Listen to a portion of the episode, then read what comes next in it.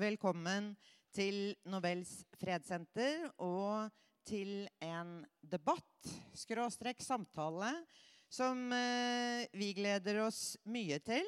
Det er jo sånn at det er stor konkurranse på aktivitetsfronten i Oslo i kveld, og ganske mange som er utslitte etter gårsdagen. Så vi er veldig glad for at dere har kommet hit. Vi eh, vet at vi er helt avhengig av god informasjon, eh, god presse, eh, en gravende presse, en uavhengig presse, eh, en kritisk presse, god informasjon, og da er det pressen vi får den fra, for at demokratiet vårt skal fungere. Og jeg vet ikke hvordan det er med dere, men for et år eller to siden så hadde aldri jeg forestilt meg at vi skulle liksom debattere begreper som eh, falske nyheter og alternative sannheter og nyheter. Og, altså det, det, bare dukker opp på løpende bånd. Og det er stor konkurranse når det gjelder informasjonsstrømmen. Og debattnivået eh, øker samtidig. og Eh, er ikke akkurat av liksom den ypperste kvalitet, tenker jeg ofte. Det er utgangspunktet for den debatten som vi inviterer til i kveld. Vi skal holde på en times tid. Inger Merete skal Hobbelstad fra Dagbladet skal overta som møteleder. Vi skal holde på en times tid. Og så er det sånn at de som har lyst til å være med på Twitter, de følger liksom instruksene på tavla der oppe. Og med de ord så overlater jeg resten til deg. Vær så god.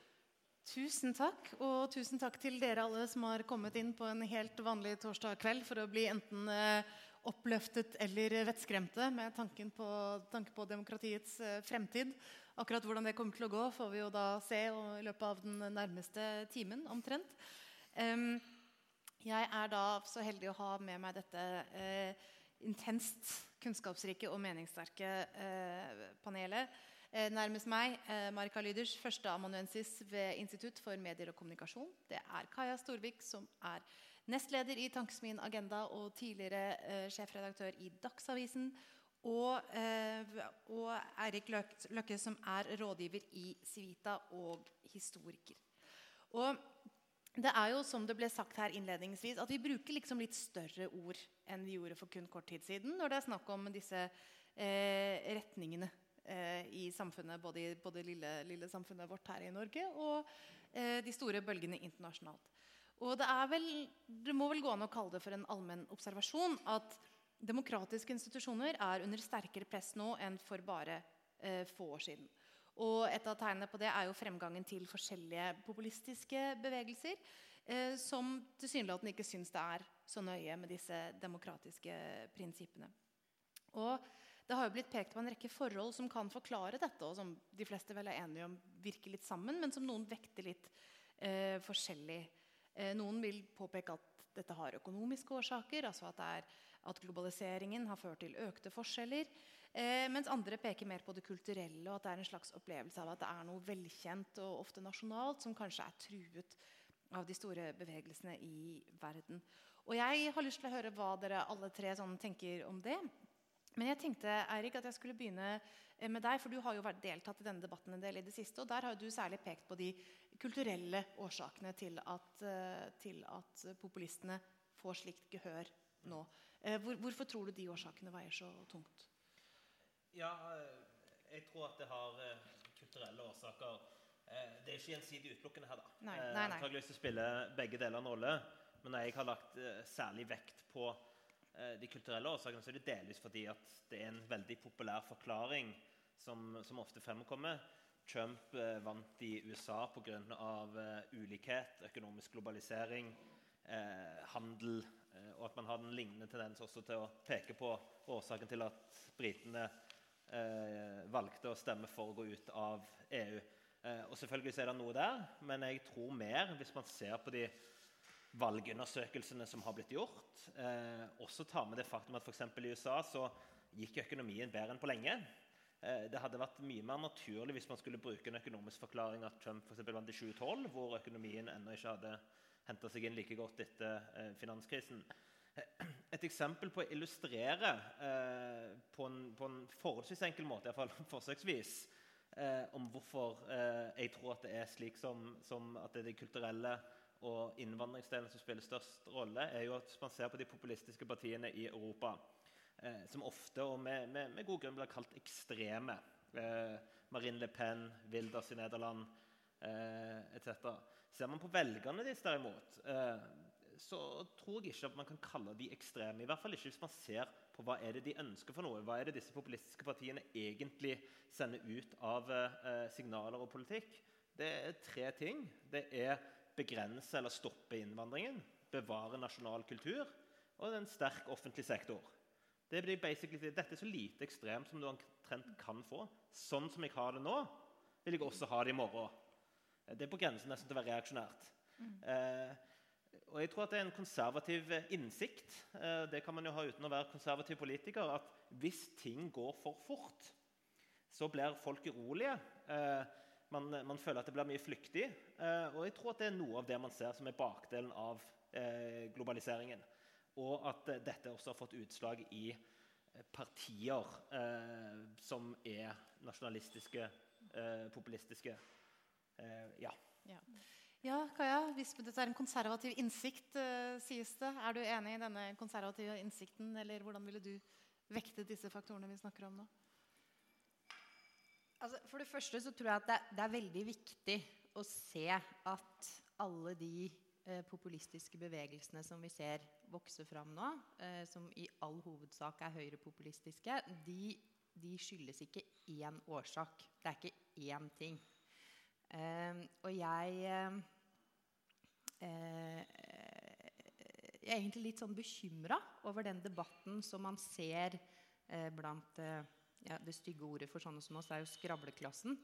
Eh, hvor man på en måte velger de bitene som passer best inn i ens egen analyse av hvordan man skal drive samfunnet. Sant? At det, passer bedre for meg å si at det er økonomiske forskjeller, mens Eirik, som er for økonomiske forskjeller, sier at det er kultur, og at folk egentlig er konservative. Jeg tror man skal være forsiktig med det. Eh, og så skal man være eh, tenker jeg, også forsiktig med å dra alle de bevegelsene over en kam. Fordi at det er eh, Selv om du på en måte ser lignende ting, så er det, det er store forskjeller på de eh, forskjellige høyrepopulistiske partiene. Og det er også store nasjonale forskjeller mellom landene. Hvor økonomien er, hvordan kulturen er. ikke sant? Altså, forskjellen på USA og Tyskland kjempeforskjellige land. Kjempeforskjellige populistiske bevegelser. Det er det første. Eh, så er det sånn at Hvis man ser tilbake på historien, så, så, kan man på en måte alltid finne at de samfunnstrekkene som vi har hatt, som vi ser nå, som folk reagerer på nå, de har skjedd før. Og så har folk reagert annerledes på det. Vi snakker jo om vi snakker om at vi har eh, Vi hadde jo flyktningkrisen, hvor det kom, eh, kom mange flyktninger til Norge. Men realiteten er at de siste tiårene så er jo det det har kommet mange av til Norge, det er arbeidsinnvandrere fra Øst-Europa. Så det er jo ikke Og da er jo nesten ingen reaksjon. Verken i debatten eller i opinionen. ikke sant? Sånn, sånn at du har Ja, det er ikke det samme, da. Men og, og, jeg tror nettopp det er viktig å se at det er mange ting I Tankes min agenda så har vi vært opptatt av å trekke fram økonomisk ulikhet. Eh, og det er fordi at det er et utviklingstrekk som vi har sett i mange vestlige samfunn, og hvor det har vært en ekstrem utvikling de siste 30 årene. Altså Ulikheten har vokst voldsomt. Den har vokst ganske mye i Norge. Men hvis du ser på, på land som, som, USA og en del andre, andre land i Europa, så, så, har det vært helt ekstremt. I USA så har det jo vært sånn at alt som har kommet av økonomisk vekst de siste 30 årene Og USA har hatt veldig høy økonomisk vekst, så det er jo enorm, et enormt tillegg til verdiskapningen. Absolutt alt det har tilfalt den øverste 10% i det samfunnet. Sånn at 90% de lever på samme nivå som foreldrene deres gjorde for 30 år siden. Eh, eller dårligere, for de fattige har det faktisk mye mye dårligere. Mens 10% har tatt alt det. Og, og jeg tenker at det å, det å, si at det ikke er en faktor. Ikke sant? I USA i dag så er det sånn at hvis du er, har fattige foreldre og gode karakterer på videregående, så har du mye mindre sjanse til å få deg en universitetsutdannelse og en universitetsgrad enn hvis du har rike foreldre og dårlige karakterer. Det er altså ikke sånn at hvordan foreldrene dine står økonomisk, er på en måte en liten forskjell. Er en gigantisk forskjell.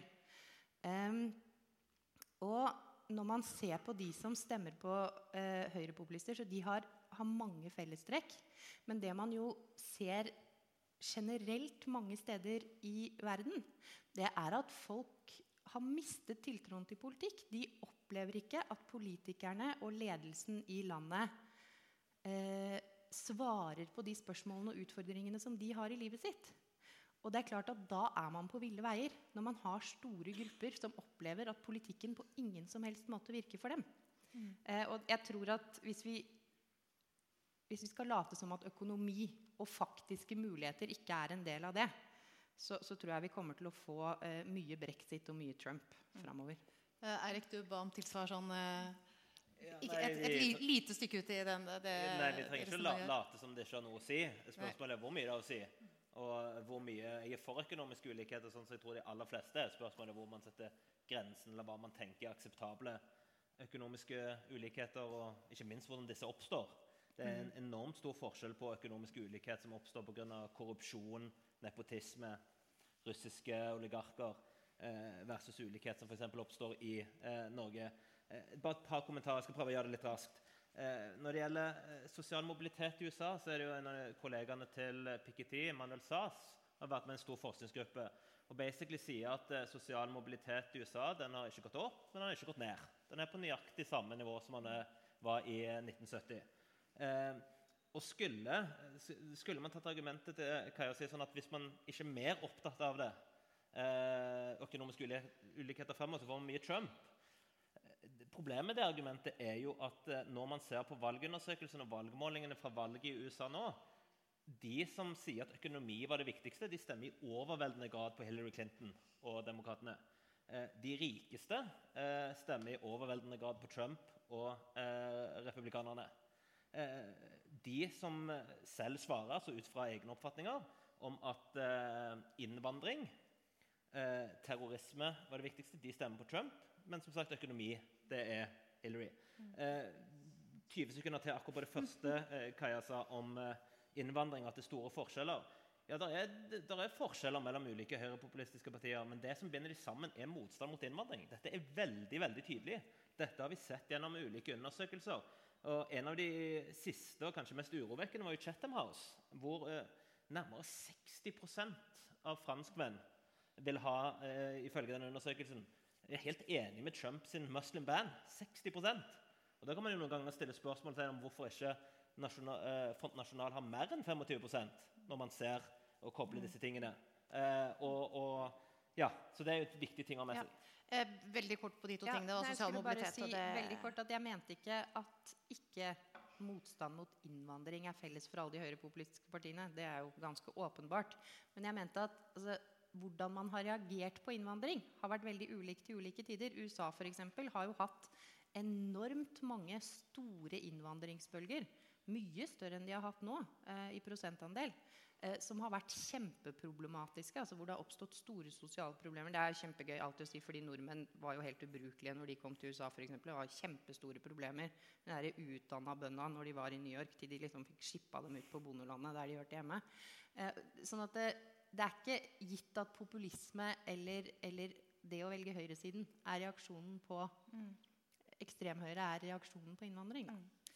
Eh, Marika, jeg tenker noen ganger når jeg ser på nyhetsbildet i dag, at før så var det på en måte litt mer som om vi alle levde i samme virkelighet, men så hadde vi forskjellige meninger om hvilken retning den virkeligheten og det samfunnet skulle bevege seg. Og når du ser en del politiske ordskifter nå, så virker det som man lever i forskjellige virkeligheter. Og der man tenker at den som har eh, mot andre meninger enn en selv, det er ikke bare det at de er uenige, det er det at, de lyver, rett og slett. Eller fordeier virkeligheten.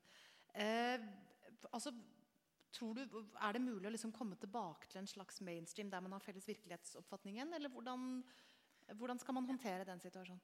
Akkurat for det spørsmålet der så lurer jeg på om premisset er galt. Ja, at vi aldri har delt en felles virkelighetsforståelse. Eh, men eh, den teknologiske utviklingen, eh, nye muligheter å uttrykke seg, sosiale medier gjør at ulike virkelighetsoppfatninger blir mye synligere enn før. Her kan det jo også være selvforsterkende effekter. Mm.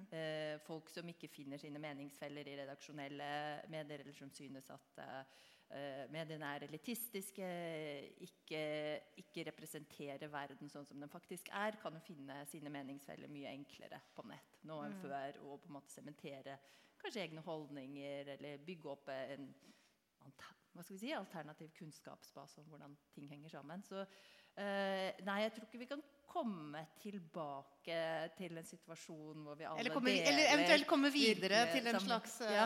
ja. Eh, det kan vi neppe. Vi må nok bare eh, godta at eh, Nei, vi deler ikke samme virkelighetsforståelse, og dermed heller ikke hva som er problemene, og hva som er løsningene på det. Eh, Men jeg tror det er mye sy altså hvis, Det er mye synligere enn før. Ja. Eh, så Jeg skal komme straks tilbake til Kaja, men jeg tenkte også jeg skulle si samtidig altså, Det er snakk om altså, den voldsomme antielitismen i en del politiske bevegelser. Og, po populistiske bevegelser, og mange av dem retter seg helt spesifikt mot mediene og, og journalister.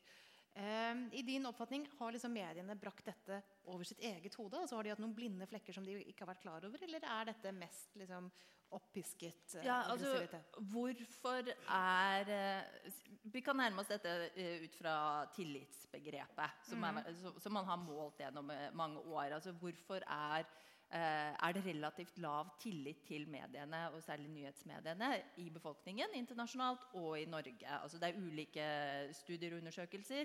Reuters Institute fra i fjor viste at 46% av befolkningen i Norge har, eh, sier at de har tillit til mediene. Eh, status for ytringsfriheten i Norge gjennomførte en undersøkelse som var mye mer deprimerende. De fant at 15 hadde svært høy eller eh, nokså høy tillit til mediene. Eh, og da, kan man jo, da er det jo naturlig å spørre seg hvorfor er tilliten så lav.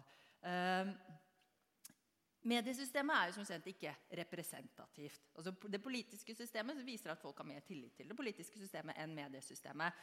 Eh, og vi vet at det, altså, Journalister i Norge angripes jo ofte for å være venstrevridde. Og ja, det, eh, journalister som stor, eh, stor gruppe tenderer til å være eh, helle mer mot venstre enn høyre.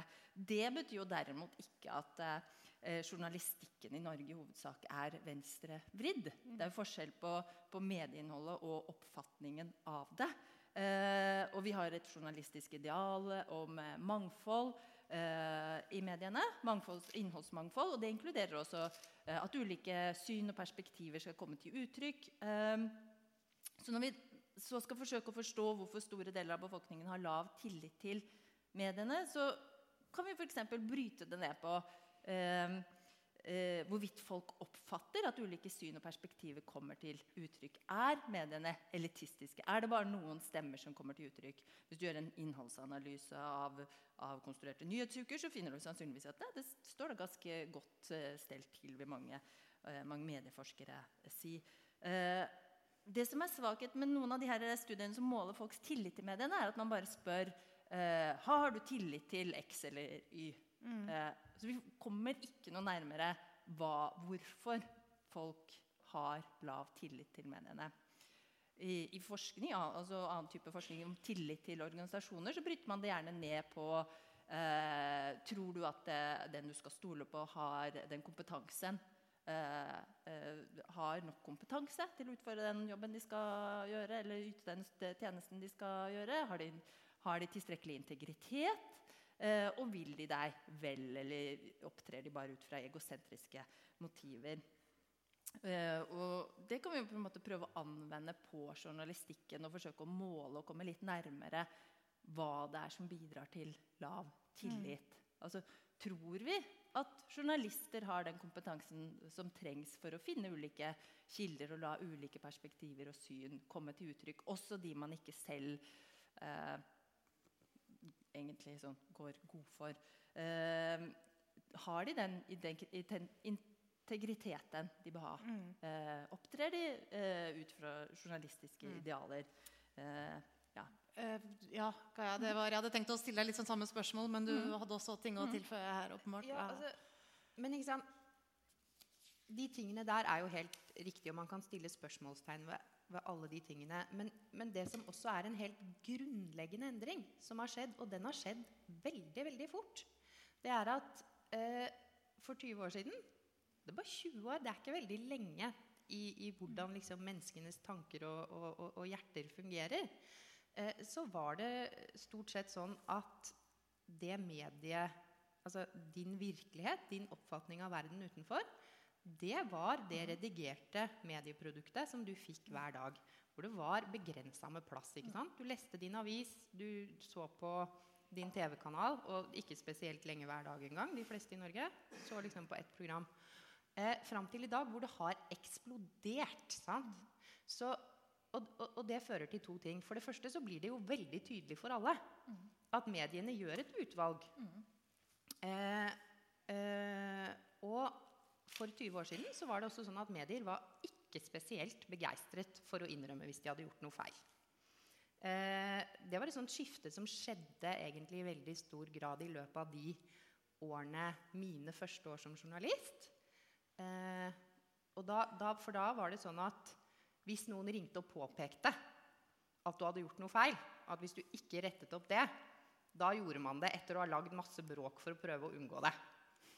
Eh, mens i løpet av de årene jeg jobbet, så, så, har det jo blitt sånn at hvis man oppdager en feil selv, så, så, retter man det fortløpende. ikke sant? Men sånn var det ikke. sånn at Mediene har jo på en måte eh, påberopt seg å være sannheten. Og så er det sånn at når man intervjuer folk, når man skriver saker, så, så gjør man jo feil. Journalister gjør eh, veldig sjelden feil med vilje, i hvert fall i norske medier. Det, du, da får du en kort og kjedelig karriere. Men, eh, men det er klart at det gjøres feil. Eh, og det er nå ett tastestrykk unna. At du kan hele tiden sjekke det. Eh, og det, den enorme tilgangen på informasjon, den eh, Jeg tror nok mediene eh, henger litt etter i det. At de i for liten grad er bevisste og åpne på at det de tilbyr, er en liten bit. Fordi de er ikke vant til å tenke sånn. Så der tror jeg absolutt at det, at det ligger en del kritikk. Og så er det, eh, I Norge nå så har vi jo uavhengige medier. Nesten alle mediene er det. Det er egentlig en veldig ny tradisjon i Norge. Det skjedde i løpet av slutten av eh, 80-tallet og ble sett på som en stor og flott medierevolusjon. egentlig. Før det så var man jo knyttet til ulike partier og, og sånn. Det er mange nå som stiller spørsmål ved om det egentlig var veien å gå. Om, om, det, om, det, er mulig å være objektiv, og at folk ikke klarer å tro på det. Det er ikke noen sånn veldig enkel diskusjon. fordi at eh, I USA, for eksempel, hvor de veldig lenge har hatt veldig polariserte medier, så er ikke det sånn at det har hatt en veldig god effekt på demokratiet og debatten. Så det fins ikke noen enkle svar her. Men, men det er nok eh, eh, områder hvor media må, må, gå i seg sjøl og tenke. Men jeg har lyst til å si også én ting til om den enorme tilgangen på informasjon. Og det ligger i alle mediers natur å dekke det som er galt. Du dekker konflikt, du dekker krise du, og sånn. Det er samfunnsoppdraget. Det er sånn det er definert. Det er det det er å være journalist. Det å løpe rundt og være gladsaker, det er det den nyansatte 22-åringen driver med. Veldig lav prestisje. Egentlig ikke. Det er bare en slags beskrivelse. Kan ikke folk gjøre det selv? Og jeg tror også at en del av den redselen som folk føler nå, er fordi du ser deg rundt, og så er det sånn og det går dårlig, det går dårlig. Og det går jo egentlig ikke dårlig i verden. Sant? Hans Rosling, som akkurat døde, han, han har gjort en, en framifrå jobb og vise at det går bedre. Men, men, ikke engang jeg, som har som jobb i stor grad å sitte og følge med og analysere og leser alle den statistikken og sånn, legger meg om kvelden med den følelsen at joho, det går bra i verden. liksom.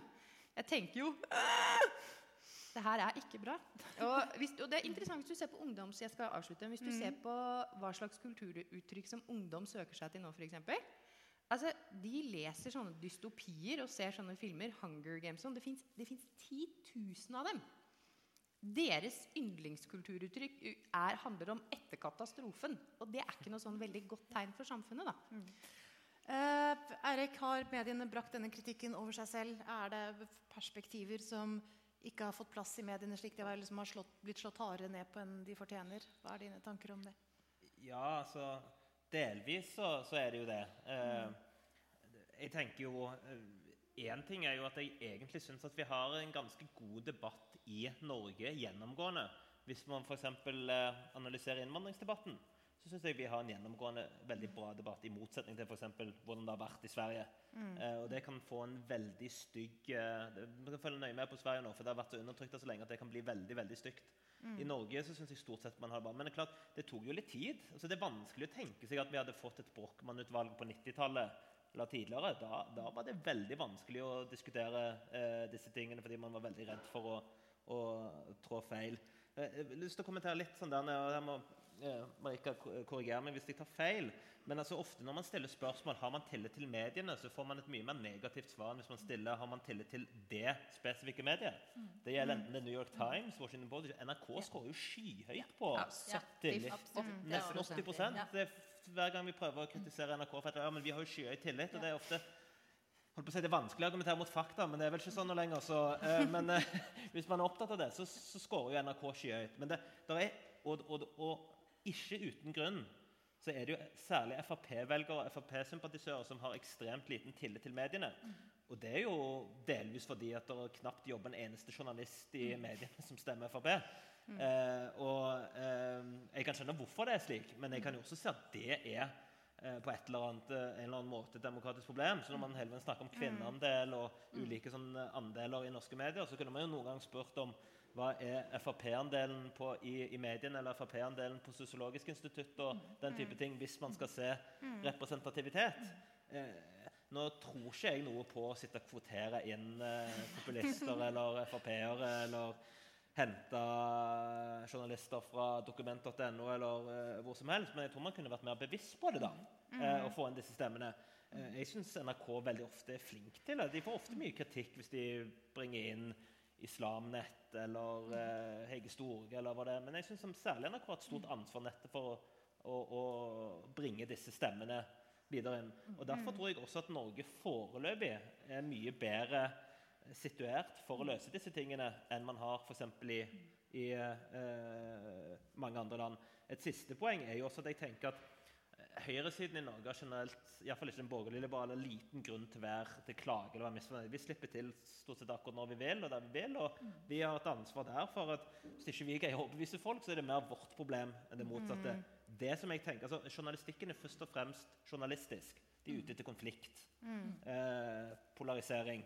Eh, det er derfor Frp ofte har fått så stor tilgang i, i, i mediene. Det jeg savner, men det er vi i ferd med å endre litt, er jo at stort sett alle journalister en, en journalistisk sak er type denne. Vi har et problem. Eh, hvorfor bruker vi ikke mer penger? Eh, intervju opposisjonen som sier at vi foreslår å bruke mer penger. Regjeringen sier vi har brukt mer penger enn de andre. I den grad du har noe venstre ved journalistikk i Norge, så er det at alle problemer og alle innfallsvinkler er der. Det er sjelden eller aldri man spør ja, hva man har fått ut av disse pengene. Det er sånn, Alt måles i input. Penger. Der, det kunne det jo vært gøy. Selv om jeg ser at eh, Aftenposten er i ferd med å forandre seg litt der. NRK og debatten begynner å stille litt mer spørsmål om skal dere kanskje prioritere litt hardere. Så det er i ferd med å skje litt der, eh, der også. Mm. Gaia, du hadde en kommentar? Eh, Ville. Altså, um, for det første så tenker jeg at Når man ser på eh, journalister og sånne undersøkelser om journalister, det er viktig. Representativitet er alltid viktig. Men det er også viktig å skille ut de journalistene som faktisk skriver om politikk. Eh, og den altså, den påstanden om at journalister i Norge er veldig venstrevridde, den gjelder hvis du ser på hele bildet. Men det er ikke så utrolig farlig om de journalistene som skriver om Johaug. Og det er jo ca. 60% av alle norske journalister, faktisk. Eh, det er ikke så veldig farlig om de stemmer Rødt eller Fremskrittspartiet. Mm. Og blant de politiske journalistene i Norge eh, så er det eh, relativt jevnt fordelt i forhold til velgermassen, med unntak for eh, Frp. Som det er, det er veldig få, eh, få som stemmer Fremskrittspartiet. Det betyr jo ikke at høyrepopulister ikke får stor plass i media. Tvert imot. Høyrepopulister skrives det veldig mye om. De får veldig stor plass, og debattene rundt dem får, får stor plass. Eh, og når de er små, uforholdsmessig stor plass i forhold til, eh, i forhold til hvor relevante de egentlig er. Sånn at eh, um, Og folk trekker alltid fram Sverige. Eh, og jeg er helt enig i at de har hatt en uheldig inngang til den debatten. Eh, men du kan jo f.eks. også peke på Danmark, eh, hvor hele den offentlige debatten og hvor avisene har, har, har, vært veldig innvandringskritiske. Eller Storbritannia, hvor du har sett mye av det samme, mange av de store mediene. Og brukt, gitt høyrepopulister ekstremt stor plass.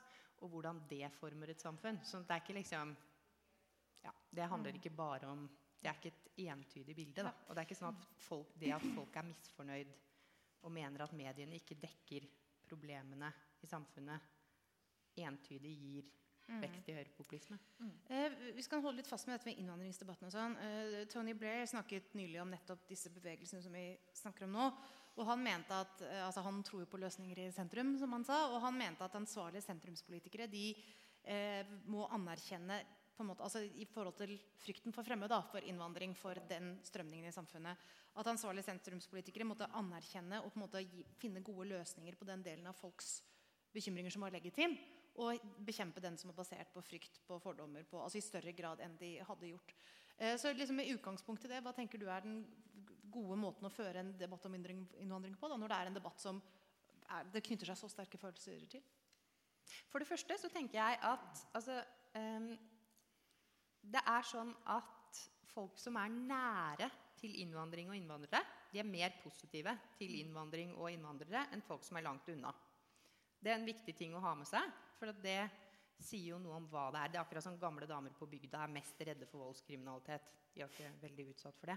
Men, um, men, men, det som er, er at jeg tror at hva slags grunnleggende trygghet man kjenner i livet sitt, også er veldig avgjørende for i hvilken grad du ser på, på innvandring som farlig. Mm. Eh, F.eks. hvis det er sånn at du selv syns at du er i en akseptabel økonomisk situasjon, du er trygg på jobben din, du tror at barna dine kommer til å få et bedre liv enn deg, så er det klart at det er mindre truende med innvandring enn ikke. Mm. Um, jeg er født og oppvokst i Oslo indre øst, så jeg har aldri altså, synes det er veldig jeg har aldri egentlig helt kjent meg igjen i den der debatten om at man ikke snakker om de vanskelige tingene med innvandring. og sånn. For det har vært veldig present i mitt liv. Men jeg ser jo at det tidvis har vært sånn at man ikke på en måte har dekket problematiske sider ved innvandring. Eh, at folk tar med seg deler av, eh, deler av en kultur som ikke, ikke, er bra og ikke mm. passer inn hos oss. Men hvis du ser på altså, debatten i veldig mange vestlige land de siste 15 årene, så er det jo ikke det som er problemet. Det er jo ikke at vi ikke dekker de problematiske sidene ved innvandring. Altså, du kan ikke du, altså, du rekker så vidt inn på do liksom, før det har kommet en ny krisesak. om en så, så, det er jo ikke noe problem. Men, men, det som er, er at du er jo nødt til å gi folk altså du er jo du er nødt til å levere resultater. Du er nødt til å få til integrering og vise fram det. Det er klart at Frankrike er et land som jeg har bodd i og, og, og kjenner godt og er glad i.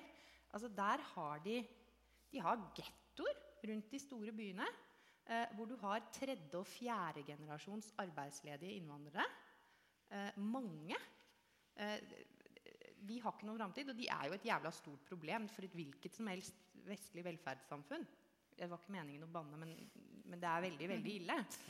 Mm. Eh, det er klart at du, du kan ikke ha enorme grupper hvor du har barn som vokser opp i generasjon etter generasjon uten å ha noe plass i samfunnet og uten å bidra med noen ting. Det er klart at det fungerer dårlig. I Norge er det jo helt, helt annerledes. Mm. Ikke sant? Uh, Erik, veldig kort kommentar til det før vi ja, altså Til selve spørsmålet om hvordan man skal føre debatten, så syns jeg langt på vei i Norge så gjør vi det mm. veldig mye på riktig måte. Sånn. Eh, frykt for å ikke bli for lite selv, selvkritisk her. Eh, Kai har for så vidt rett i at det store problemet er ikke at ikke mediene har dekka innvandring kritisk de siste 15 årene. Det store jeg vet ikke om jeg skal bruke uttrykket problemet, men mm. det store fenomenet er at det har vært enormt mye innvandring de siste 15 årene. Og når den fortsetter, mm. eh, så er det jo det folk reagerer på, eller folk tenker er et, eh, et problem. Så hvis man, hvis, hvis man aksepterer premisset, da, mm. at vi har hatt for mye innvandring, så må man jo rett og slett bare finne tiltak hvor man begrenser innvandringen. Ha en mer kynisk innvandringspolitikk, en canadisk eller sveitsisk modell. Det er litt der jeg tenker at vi, vi burde gå i, gå i, gå i Eh, retning av. Eh, men, men på, et, på, en eller annen måte så tenker jeg sånn der at Det er et forsøk på å analysere, da. Mm. Eh, jeg har ikke hatt så stort problem med den innblandingen som har vært, men hvis jeg tolker de signalene rett som er der Og du skal også huske på at eh, evnen til å mobilisere på innvandringsspørsmålet har økt enormt de siste 30 årene. Altså, tidligere så var man jo sosialdemokrat selv om man ikke var spesielt fornøyd med innvandring. eller ikke likte innvandring og så videre. Men det som har skjedd med de høyrepopulistiske partiene, er at de greier å mobilisere på det. Altså Fra 1 til 40% i Storbritannia av folk som rangerer det viktigste spørsmålet innvandring. Eh, det vil jo også langt på vei avgjøre hva som skjer i Frankrike og Nederland. Hvor høyt opp på agendaen kommer dette over det som en store, eh, overhengende spørsmålet om innvandring? Eh, og jeg tror ikke det er noen annen mulighet her enn hvis man vil gjøre noe med det, er å begrense og ha en mer kynisk innvandringspolitikk.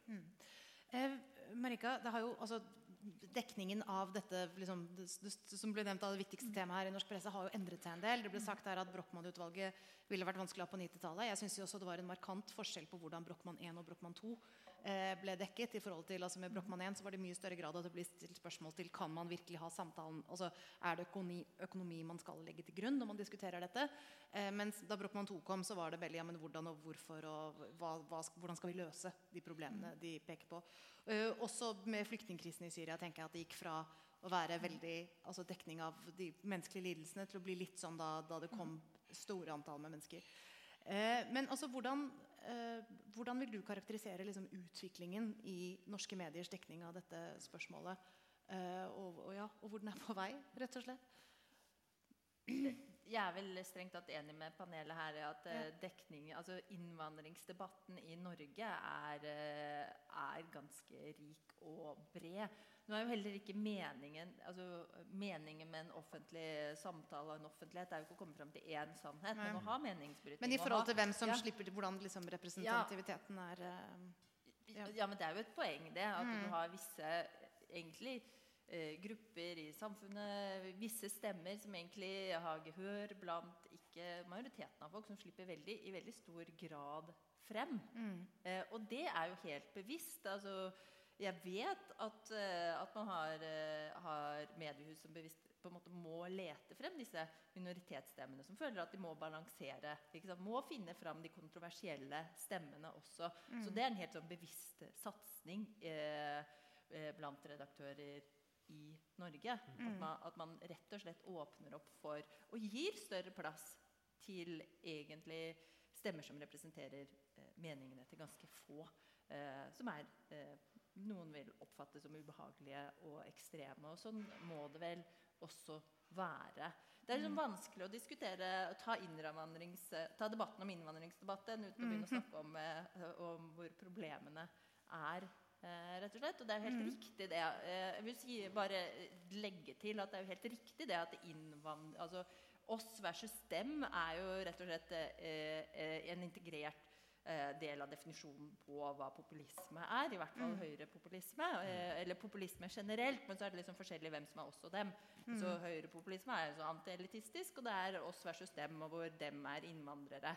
Eh, og at det er det man eh, i stor grad er mobilisert på som, som kjennetegn. Men ellers så tror jeg Jeg, jeg har bare tenkt å fortsette litt med, med altså, fordi Noe vi jo ikke kommer unna her, det er jo fremveksten av fake news. Altså et ord som brukes markant oftere nå enn for et år siden. Altså, eh, altså spredningen av ting som til forveksling er lik eh, nyhetssaker, men som da beskriver faktiske forhold som ikke har eh, funnet sted. Altså, hva, hva er på en måte den psykologiske mekanismen i oss som gjør at det har slik appell, eller at det, at det sprer seg så fort som det gjør, er så vanskelig å få bukt med? Ja, eh, hvordan skal man eh, Hvordan skal vi forsøke å hindre at fake news blir så, blir så stort? Eh, og for det første så vet vi jo faktisk i Norge ikke hvor stort problemet er. Annet enn sånn anekdotisk at vi ser at folk driver og sprer eh, nyhetssaker som man kanskje selv tenker at dette tror jeg faktisk ikke er, eh, er tilfellet. Eh, og da er det jo ikke sannsynligvis i en sånn anekdotisk Da er det folk i, i, i, din Facebook, eh, eh, ditt Facebook-nettverk som sprer disse nyhetene som ikke kommer fra redaksjonelle medier alltid. Eh, så til eh, på en måte oss alle, folk flest, er jo å være litt eh, kildekritiske og, og prøve å finne ut av hvor en tilsynelatende nyhetssak kommer fra. Eh, men eh, Og må vi jo være litt sånn tydelige her. altså Fake news er jo som du sier, det er, det er eh, oppspinn eh, gjerne motivert av økonomiske eller politiske motiver. Eh, det er rett og slett noe noen har funnet på. Så er det litt sånn glidende overganger, for liksom, eh, når det er litt sannhet og litt, eh, litt eh, oppspinn, da, da, begynner det å bli vanskeligere eh, igjen. Men så kommer det også spørsmål altså, Hvem er det som har ansvaret her? Mm. Journalister, mediehus har et ganske stort ansvar i å, å ikke videreformidle det. Eh, nå tror jeg kanskje det at den på en måte kildekritikken til, eh, ny, eh, til, til, sosiale medier som nyhetskilde jeg tror den har økt ganske betraktelig i løpet av et par, eh, par eh, år nå. Eh, jeg var involvert i et forskningsprosjekt, EU-støttet forskningsprosjekt som nå er avsluttet. hvor vi undersøkte journalisters bruk av sosiale medier som nyhetskilder. Det er bare et par, det er, tre år siden vi gjorde de intervjuene. Og altså, journalister, Hvis du sitter og har nyhetsvakt, så sitter du med, med Twitter-feeden. Du har en skjerm full av oppdateringer på ulike For å lete etter breaking news, være først ute med det. Og da så vi jo at, eh, at eh, kildekritikken altså den kom noen ganger i annen hånd, annen mm. rekke. Da var det mer om å gjøre å være først ute. Mm. Men jeg tror relativt mye har skjedd siden vi gjennomførte de intervjuene. Mm. Eh, Eirik, du som har orientert mot USA mye når du har skrevet nå i det siste. Eh, det finnes jo falske nyheter både med på en måte venstre og høyre fortegn. Men mm. akkurat i valgkampen nå så må det jo kunne sies at det var særlig utbredt på høyresiden. Eh, ja, eh, hvorfor er det sånn? Ja, det er jo et, eh, et godt, godt, spørsmål. Jeg kan jo også bare legge til at jeg tror ikke det er mulig altså Det er jo mange av disse debattene nå. Men jeg tror ikke det er mulig å eh, hva skal du si, altså Betydningen av dette er så enorm. Altså det, det, er bare så vanskelig å forstå at eh, den som nå sitter i Det hvite hus, eh, har, eh, pleier regelmessig kontakt med en person som heter Alex Jones. Hvis dere ikke vet hvem Alex Jones er, så kan dere google han og se hvor en fyr som er sånn ett for å tro at verden styres av øgler. Altså Infowar. var vel lenge kjent som verdens mest utbredte konspirasjonsteoretiker. Og, og, Trump stilte jo opp der i valgkampen også for å stå og diskutere dette med alle disse muslimene som jubler i New Jersey, som jo bare er oppspinn. Mm. Eh, og det, det, er altså en person som da har øre, ifølge rapporter til Det hvite hus. Eh, og denne spredningen av at paven støtta eh, Trump, som ble delt én million ganger, som mm. etter enhver definisjon av fake news er nettopp det. Mm. Rent, rent oppspinn. Eh, så hvorfor er det sånn? Nei, altså det det er noen undersøkelser jeg leser er at konservative da, i en amerikansk sjargong er mer tilbøyelige til å tro på eh, tro på oppspinn eller fake news ut ifra at de har en mer snever tilgang til eh, informasjonsinnhentingen. Det er for så vidt riktig at eh, demokratene hører veldig mye på hva MSNBC og Rachel Maddow og disse personene sier, men de har en mye, mye større tilgang av informasjon. Betydningen av Fox News og conservative radio hosts i USA er mye viktigere på høyresiden enn den er på venstresiden. Eh, ja, hvorfor, det har, hvorfor det har blitt sånn? Altså, det er en sånn langt omfattende kognitivt forfall. Det pleide ikke å være sånn eh, blant eh, konservative. Og jeg er en person som eh, er stor Ronald Reagan-fan og de gode, gamle eh, republikanerne. Som, mm. Eh, Reagan sa riktignok mye merkelig, men det pleide ikke å være sånn som det er i dag. Og hvorfor mm. det har utvikla seg sånn det, det, det, eh, De har vel dyrka den der ideen om at uh, uh, så lenge det støtter min sak, mm. så er det helt, uh, helt, greit. Det betyr ikke at alt er helt perfekt på, blant liberale i USA heller, men, men det, er mye verre på høyresiden. Og det, mm. det bør særlig de av oss som er opptatt av å støtte høyresidens sak, gjøre noe med. Altså det, er, det er vel snakker også som Psykologiske forskere sier at vi har en veldig veldig sterk sånn eh, bekreftelsesbehov. Confirmation når, bias. Ja, confirmation bias. Og når, utvalg, når utvalget av informasjon er så enormt, så velger vi instinktivt det som er i synk med det vi allerede bekrefter det vi allerede føler, og velger vekk det som utfordrer oss selv. og, det er, og det er man mye mer offer av på høyresiden. Simpelthen ja. fordi at man eh, søker mye mindre diversifisering av informasjonskilder. Mm så er det også sånn at altså, Amerikanere er jo selvfølgelig eller, altså, like, De er født akkurat like smarte som nordmenn. Men mm. eh, f.eks. i USA så har de et utdanningssystem eh, som gjør at veldig veldig mange får en fryktelig dårlig utdanning. Altså, de blir mer oppbevart enn de blir utdanna, mange. Sånn at, eh, og det er klart at når du ikke lærer kildekritikk altså det, å, det å ha kunnskap, det å være reflektert, det å lære å være kritisk, det er jo noe de fleste får gjennom en god utdanning, en god grunnutdanning. Og det, eh, når en stor andel av befolkninga di mangler det, så er det klart at de er lettere å manipulere. Eh, I land hvor veldig store andeler av befolkningen har det sånn, så så vi jo lenge før sosiale medier, som på en måte er det som har spredd det og gjort det mulig i vestlige samfunn, så så vi jo altså Vi har jo sett svære valgkampanjer i, i, i Sør-Amerika, i Afrika, som bare altså Det er bare basert på tøys og tull og løgn. Og folk trodde jo på det, for de hadde ikke noe Så det er også en bit av det. At, at folk faktisk ikke får tilgang til den verdien utdanning og kunnskap og kritisk tenkning er. Da. Og i USA har de jo også en sånn ting som er at eh, eh, man skal på en måte kunne bestemme selv hva barna ens skal lære. Jo f.eks. en helt urovekkende stor andel som ikke lærer revolusjonsteori. Sant? Fordi at foreldrene deres mener at sånn er det ikke. Og det er klart da, Og det er ikke sånn 1% Hvor mange prosent er det? Det er liksom mange jeg, jeg tror du skal si det på en litt annen måte. De lærer evolusjonsteori, men det er veldig mange som ikke tror på det, rett og slett fordi at selv konservative dommere sier at lær, lær, lær gjerne folk om alternativ til evolusjonsteori, men det er langt unna vitenskapsklassene. Det får dere lære i og det, Dette er ikke forskjell på privat og, og, og, og, offentlige skoler, men, men allikevel, allikevel så er det Men du eh, har for, også- Foreldrene eh, har jo en viss påvirkning på ungene sine, da, og det er veldig mange i USA som ikke tror på evolusjonsteorien, men, men eh, i skolene så blir de faktisk tvunget til å lære det eh, i, i vitenskapstimene. Heldigvis, enn så lenge. Veldig mange som blir håndskult. Så du har, ja, du har, et kunns, altså du har også et kunnskapsproblem da, mange steder. Eh, jeg tenkte jeg skulle spørre dere alle tre, for det er jo, så USA er jo et naturlig samfunn å snakke om når vi snakker om disse tingene her, gitt det dramatiske siste året. Eh, og det vi ser nå er at veldig mange på en måte, forskere, mediefolk, er litt sånn forskrekket over at Trump for eksempel, ikke respekterer ganske grunnleggende demokratiske prinsipper. Altså, før han ble valgt, dette med fredelig overgivelse av makt, eh, ikke liksom, medienes og domstolenes eh, uavhengighet. Og at det ikke So-called judge. å ha ja, At dette ikke har noe å si for ganske mange eh, mennesker. Så hvorfor er ikke disse prinsippene noe et stor andel av befolkningen syns, ikke lenger syns det er viktig å hegne om og beskytte? Anyone? Ja. Helt grunnleggende så tror jeg at mange oppfatter at du har problemer. Og i, hvis du tar USA som spesifikk, så er det jo den der man elsker å skylde på Washington DC. Oh, they get nothing done. Du trenger en eller annen fyr som er autentisk som Trump. Som en businessmann. Eller hva man skal si, sjargongen som get things done.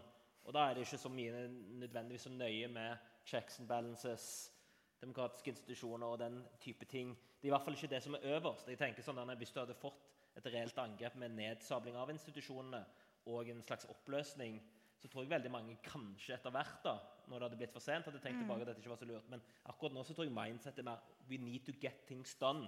Og da får dette det uh, checks and balances og alt dette det får komme i andre rekke. Nå er vi opptatt av å få get things done. Jeg tror du kan hente mye derfra i bare måten man tenker på. Kaja?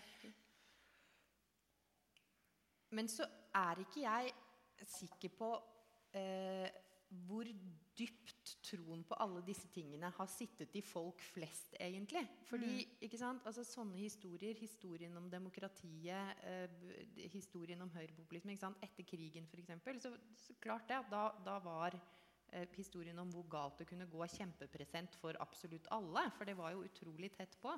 Men det er lenge siden. Eh, vi husker ikke det.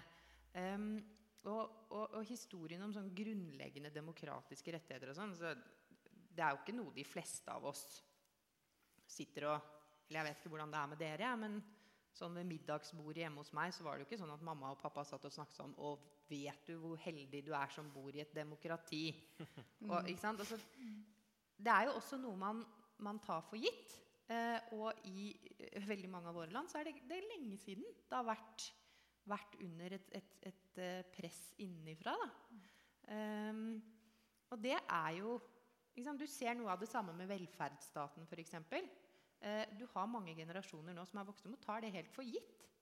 Uh, og så har samfunnet og de som på en måte ivaretar det, ikke vært flinke nok til å dra opp de debattene. Så tror, tror også det ligger ligger noe der. Um, og så er det Altså um, Trump, for eksempel. Han, det er en del egenskaper ved han sikkert, som, som, som, er litt sånn vanskelig å forstå eh, i norsk kontekst. Men f.eks. det at han betalte for sin egen valgkamp. I hovedsak gjorde det. Eller i hvert fall i begynnelsen gjorde det. Det er sånn som gir han en enorm kredibilitet i USA. En enorm troverdighet. For de er vant til politikere som er kjøpt og betalt. Og det er de. Mm. Av enorme lobbyer. sant? Og så kommer han og er det ikke. Og det, det, gjør at han i utgangspunktet har en troverdighet som ingen andre der har. Eh, og, og du, kommer, du, kommer, langt med det. At folk i utgangspunktet har tillit til deg. Mm.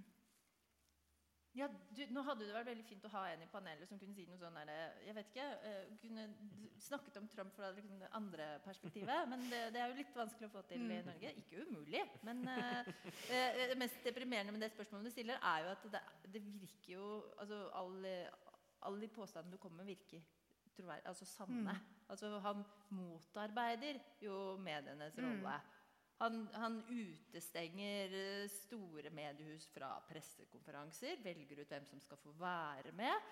Eh, truer journalister. Eh, eh, altså det, er, det, er, rett og slett ganske uforståelig.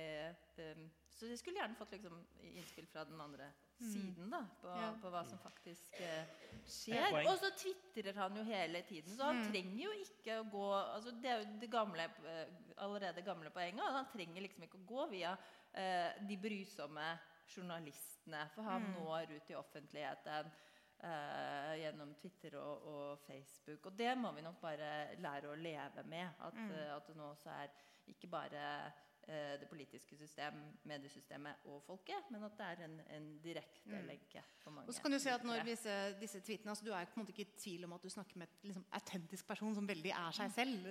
Kanskje ja. man ikke kan få følelsen av alltid med andre. Ja, poenget ditt, Erik. Er Det er jo også at eh, Hvis liberalere i USA skal ta en del selvkritikk, og det skal de, så går de spesielt på Eh, østkyst- og vestkystliberalene som eh, har opptrådt eh, veldig nedlatende. Sikkert mm. uten å nødvendigvis mene det selv. Men mm. følelsen der ute i Heartland America er jo at ja, Trump sier mye rart, ikke alltid er enige, men han står iallfall opp der og gir disse elitene i mediene en rett på å tygge. Det er sånn vi mm. ville gjort det hvis vi kunne det. Du skal ikke undervurdere den følelsen av at det er noen som slår tilbake av, for folk i Heartland som føler at de er utsatt for smaksdommere for folk som skal fortelle dem hvordan de skal leve, hvordan de skal være, og den type mm. ting som antageligvis har ekstremt sterk resonans. Ja. Det var en sosialantropolog husker jeg, som etter valget beskrev det hvordan at det at noen har veldig mye penger, er utrolig mye mindre provoserende enn noen som liksom dømmer deg moralsk. Ja, ja, ut fra en skala som de har liksom, det er de som har oversikt. Det er jo sånn mange av de ville vært. De ville hatt sånne gullgreier på badet osv. hvis de hadde fått masse mm. penger. Trump representerer jo nettopp det, en slags sånn drøm om mm. hvordan man ville vært hvis man hadde blitt rik. Ja. Men du er genuint bekymret for det liberale demokratiet, kan få inntrykk av når jeg leser eh, det du skriver? Ja, altså, Jf. det Kaja sa, at det er ikke noe man sitter og diskuterer med middagsbordet. Det er først når man mister det, man begynner, begynner å tenke over det. Så jf. Mm. I dag står flaggstangen naken blant Eidsvolls grønne trær. Nettopp i denne timen vet vi hva frihet er. Mm. Men jeg tenker at valget av Trump, som etter min mening er en person som overhodet ikke respekterer, ikke har et demokratisk sinnelag overhodet, mm. eh, har klart og tydelig uttrykt sin forakt for konstitusjonen og so-called judge osv. Mm. Eh, når han kan bli valgt, selv i den amerikanske konteksten som det er, og hva man mm. ser rundt omkring, så kanskje Jeg har alltid trodd at konsoliderte demokratier, for å bruke et teknisk begrep, eh, hvor man er så integrert i verden, ikke kunne gå i en slags revers. Mm. Men, men, man lever jo i uncharted territory. Man er liksom helt sikker på hvor man er på vei. Kanskje ja. man har trodd at eh, det liberale demokratiet er mer robust enn det egentlig, egentlig er. Mm. Det som jo er ekstremt skremmende, det er jo at Trump han har altså, hvis du ser på liksom troverdighets- og popularitetsmålinger om folk er enige med han eller ikke, det er jo at han i snitt i den amerikanske befolkningen så taper han en del saker. Men blant sine velger, blant republikanerne, så er han vilt populær. Og det han gjør, er vilt populært. Han har dødshøye ratings. Jeg skal ikke gå gjennom det, men min kollega Tor Steinovden har skrevet en veldig god artikkel om det. Eh, så hvis man googler Tor Steinhavn og Trump, så, så kommer det opp. Og det? Han, han leverer jo på politikk som mange vil ha, som er helt på mange områder i, i tråd med den politikken som republikanerne i mange år har sittet og ønsket seg å gjennomføre. Og det er også viktig å, å huske på, og jeg tror mediene også har en stor jobb i eh, å slutte å skrive så mye om all viraken rundt Donald Trump. Altså, jeg, jeg, klarer ikke å huske hvor mange saker jeg, jeg leste da han hadde holdt Justin Trudeau i hånda. liksom. Altså, helt uviktig. Og heller dekke det han faktisk gjør, og politikken han faktisk gjør. Og det eh, er nok litt, litt, en sånn treningssak. Og, og, og, og, det er jo ingen medier i verden som er vant til at lederen i et vestlig demokrati overhodet ikke forholder seg til sannheten. Mm. Vi er ikke liksom helt trent på det. Det er litt uh, nytt for oss alle. Men uh, er det du sier, er det også nå kanskje dragningen ved det litt sånn autoritære? Det er at det er veldig effektivt? At du ikke går veien, du går liksom ikke tjenesteveien gjennom institusjonene og gjennom at du bare sier sånn? Altså det som er at Vi vet jo at det til syvende og sist ikke er spesielt effektivt. Tvert mm. imot. det er jo, altså, Du lager jo ikke gode, effektive samfunn. Du får jo ikke mye gjort. Du, mm. Men det, det, framstår jo som effektivt. Mm. Ja, det, despotiet som fremstår som effektivt, men ikke er det. Det kan jo være siste. Da endte vi kanskje på en liten sånn downer eh, i forhold til hvordan jeg pitchet dette da vi begynte. Men vi har altså noen minutter igjen, og jeg tenkte jeg skulle åpne for spørsmål. Hvis noen uh, har det. Nei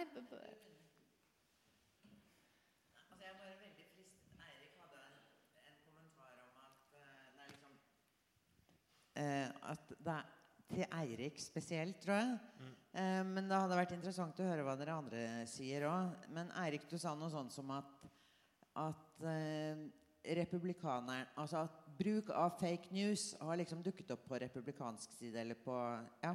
Mm. Eh, og at det kanskje har sammenheng med, med mindre tilgang på alternative kilder og mm. eh, men, men kan det også være sånn at det ikke dreier seg kun om mangel på tilgang på informasjon og kilder, men at det rett og slett er bevisst bruk av en politisk strategi som vi ikke har sett maken til før? Tenker du fra Trump og ja. kampanjen, da? Ja.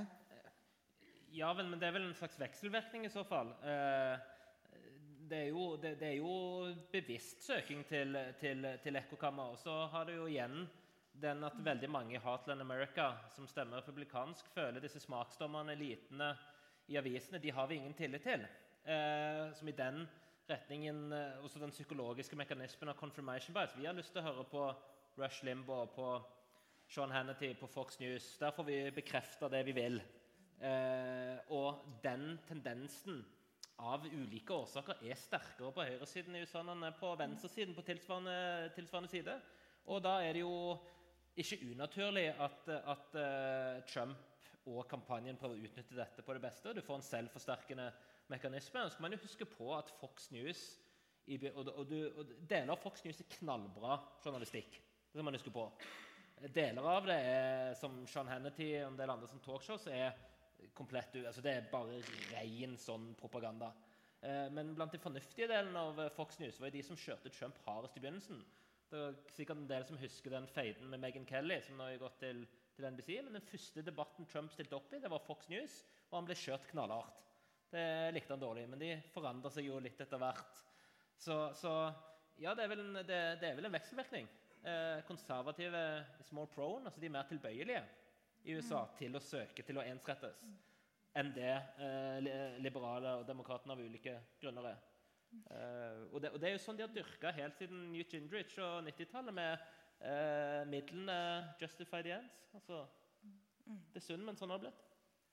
Altså, det er jo de konservative velgerne som er mer tilbøyelige til dette. Det er ikke noe tvil om at dette brukes altså er, Fake news dukker jo ikke opp fra ingen steder. Det er, ikke sånn at, altså, sånn at, det er ikke noe tvil om at det er en stor produksjon av det i en eller annen Absolutt. hensikt. ikke sant? Jeg, jeg mente ikke at du mente, men bare for å avklare at jeg følger på det. Så det er jo en kjempebevisst bruk, og du har jo også sett russerne som ikke sant? Så det, det er jo helt bevisst brukt. Og så resonnerer det bedre blant folk på høyresiden. Altså, jeg vet ikke. Folk på venstresiden er, eller sentrum-venstre er kanskje bedre mennesker. Steven Stephen Colbert sa vel noe sånt som at reality has a liberal bias. Ja. mm. ja. Det var et spørsmål Ja. Nei, det blir tatt inn i brede eh, emner i debatt. eh, Migrasjon, eh, media, demokratiet, fremtiden av demokratiet. Selv om det er tro selvfølgelig som eh, mellom dem. For eksempel, bare, bare for å plukke noen At jeg savner når vi snakker om eksempel migrasjon. Migrasjon er ikke sånn det er sosiopolitisk fenomen som det kommer ikke av eh, himmelen. Det de er resultat av en konkret politisk situasjon. Mm. Så man kan ikke bare komme og behandle eh, resultatene uten å gå til årsaken. Og det er som eh, jeg savner i debatten. Bare snakke som fort om forskjellige ting. Eh, angående f.eks. media. Eh, min generasjon vokste opp i som såkalt uh, trygg-media. Vi har Times i Britannia, New York Times i Amerika, Le Monde i Paris, uh, El Pais i Spania, Aftenposten i Oslo osv. Men da kom denne media, flom av media, at vi kan ikke kontrollere. Så vi er på en måte Jeg kaller det uh, for, for verrendetiden som vi er nå. For det er de første eh, fasen av globalisering. Snakker i hvert fall om de eh, eh, angående media. Fordi de har sånn Så du vet ikke på en måte hva er sant, hva er usant. Altså, for du er trygg ah, Han sier sånn, jeg leser eh, eh, den eller andre eller Eller jeg denne program på TV. Ja, jeg stoler på. Alle er trygg på en måte. Men nå, hva er riktig, hva er uriktig? Hva er sant, hva er usant? Så på en måte man begynner å, å, å omdefinere virkeligheten. Fordi for nyheter reflekterer eller avspeiler eh, hva skjer i verden. Egentlig nå nyheter som lager ned, eh, medier som lager nyheter. Så det er på en måte Vi har annen posisjon. Og så derfor man eh, blir forvirret i sånne, i sånne situasjoner. Det er angående media. Selvfølgelig snakker om demokratiet. Det, de kan ta evighet å snakke om. Men jeg kan stoppe nå. Men det er veldig interessant i for. Takk. Eh, ja, jeg kan jo bare som en sånn kommentar til det du sier. Jeg har jo lagt merke til nå at ikke sant, jeg som journalist i Dagbladet får jo en del mailer som beskylder oss for å lyve og eh, komme med falske nyheter. Og hvorfor har vi ikke, ikke sant, En som sier til meg hvorfor har vi ikke dekket det at Hillary Clinton er pedofil og styrer en pedofiliring. ikke sant, Den konspirasjonsteorien. Og jeg syns egentlig folk skal få svar når de liksom skriver til journalister. Så jeg skriver tilbake at jeg var vel ikke helt overbevist om den eh, saken. Og da får jeg på en måte beskjed at det tror hun ikke på hvis ikke jeg kan bevise at hun ikke er det. ikke sant? Og du kan aldri motbevise en påstand. ikke sant? Altså, akkurat samme som den der, som du nevnte den der med at det var mange muslimer i New Jersey som jublet. Og, ikke sant? Det er ikke dokumentert en flekk.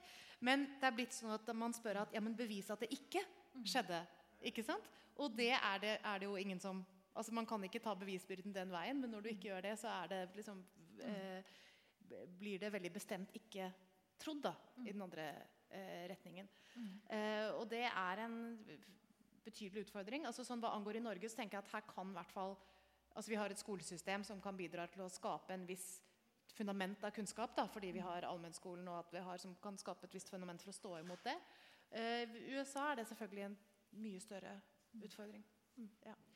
Eh, men en ting som vi vet Vi snakket jo en del om, om økonomi og økonomiske forskjeller og sånn i begynnelsen. Eh, det vi vet, er at tillit, det tillit eller sosial kapital, som forskere kaller det, det er sånn at i samfunn med store forskjeller så har du mye mindre av det. Og i samfunn med mindre forskjeller, og selvfølgelig forutsatt at det er demokrati og sånn, altså, så, så, så har man mye mer tillit. Og, og i, i den verden som vi lever i i dag, hvor det pågår så mye forskning, hvor det skjer så mange ting, så er vi helt avhengig av at vi har folk som vi kan, føler vi kan stole på. Fordi ingen mennesker er i stand til å ta inn og gjøre alle de vurderingene selv. Sant? Det kan man bare gjøre på sitt eget bitte lille spesialistfelt og i sitt eget liv. Sånn at vi er nødt til å bygge samfunnene våre og hegne om den tilliten og bygge opp den tilliten. Eh, og den er jo helt, helt borte. Og det er ganske sånn altså, Det henger tett sammen med eh, i hvor stor grad vi lever likeliv. Hvis du tar eh, USA da, som et eksempel, det er jo ganske naturlig her i dag, eh, så er det sånn at de økonomiske forskjellene der de medfører mange forskjellige ting. Selvfølgelig at noen er fattige og noen er rike. Men også at fattige og rike eh, i veldig liten grad bor i samme nabolag. Sånn var det ikke for 50 år siden. Robert Putnam har forsket veldig mye på det og skrevet veldig, veldig godt om det. Sånn at folk treffer ikke hverandre, de vet ikke om hverandres liv, og de stoler heller ikke på hverandre. Eh, og det er jo eh, noe vi har, og som, som, mange land har, og som man kan bygge opp. Og som man kan jobbe med å ha som en verdi. Eh, og vi vet at nærhet, at likhet, sånne typer ting det bygger tillit. Akkurat som felles institusjoner. Gode felles skoler, gode felles sykehus, alle mulige sånne ting. Det er med på å bygge nærhet og tillit. Eh, så det er jo en ting. Det er jo ikke sånn som man får løst fra en dag til den neste. Men eh, det tenker jeg at er en, en, viktig rettesnor i den tida vi lever i nå. Ja. Du, Eirik, jeg så fingeren din, men vi har gått uh, litt for langt over tiden. Så jeg tror rett og slett Jeg håper ikke blir, du blir søvnløs i natt for at du må brenne inne med det. Bare litt. Eh, takk. Så jeg, da tror jeg bare gjenstår for meg å si takk til mitt eminente panel.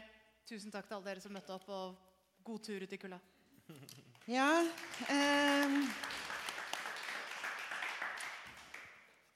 Da skal jeg takke på vegne av Nobels fredssenter. Eh, så tenker jeg at vi har noen bekymrede stunder eh, alle og enhver om dagen.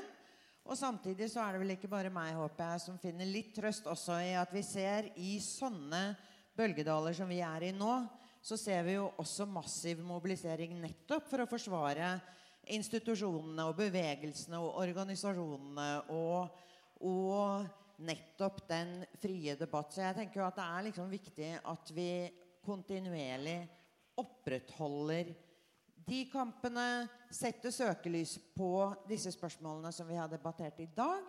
Så tusen takk til dere for at dere stilte opp, alle fire. Inger Merete ikke minst, som har liksom holdt styr på, på, det hele.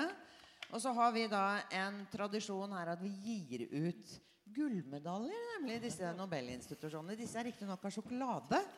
Men eh, sjokolademedaljer til de alle fire. Tusen takk til dere for at dere kom. Og før dere liksom da gir en siste applaus til panel og Inger Merete så må jeg da bare fortelle at de av dere som har lurt på liksom hva som foregår bak oss her, så er det sånn at på tirsdag så åpner vi en svær utstilling som egentlig er seks utstillinger om flyktningekrisen. Eh, vi tenker jo at det er viktig å være relevant og være, liksom, ta fatt i de sakene som er aktuelle i tiden. Det er i høyeste grad akkurat dette temaet. Så dere er hjertelig velkommen på utstillingsåpning også på tirsdag. Og dere finner mer informasjon på nettsidene våre. Tusen takk, alle sammen.